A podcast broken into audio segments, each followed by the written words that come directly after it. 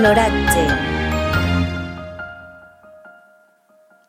L'Agència Estatal de Meteorologia informa que el dia d'avui ha estat un dels dies de la temperatura més alta de tota la setmana. Avui la temperatura més alta ha arribat als 28 graus i la mínima s'ha quedat en els 14. Pel matí ha lluït el sol, ha hagut núvols i clars, però a partir de les 6 de la vesprada ja s'ha quedat més cobert el cel.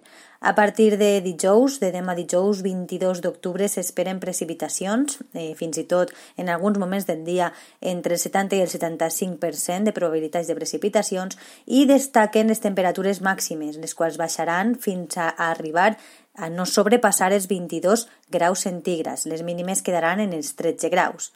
Per al, per al cap de setmana s'espera el cel més o menys ennuvolat, però la probabilitat de precipitacions baixa considerablement en relació a demà dijous.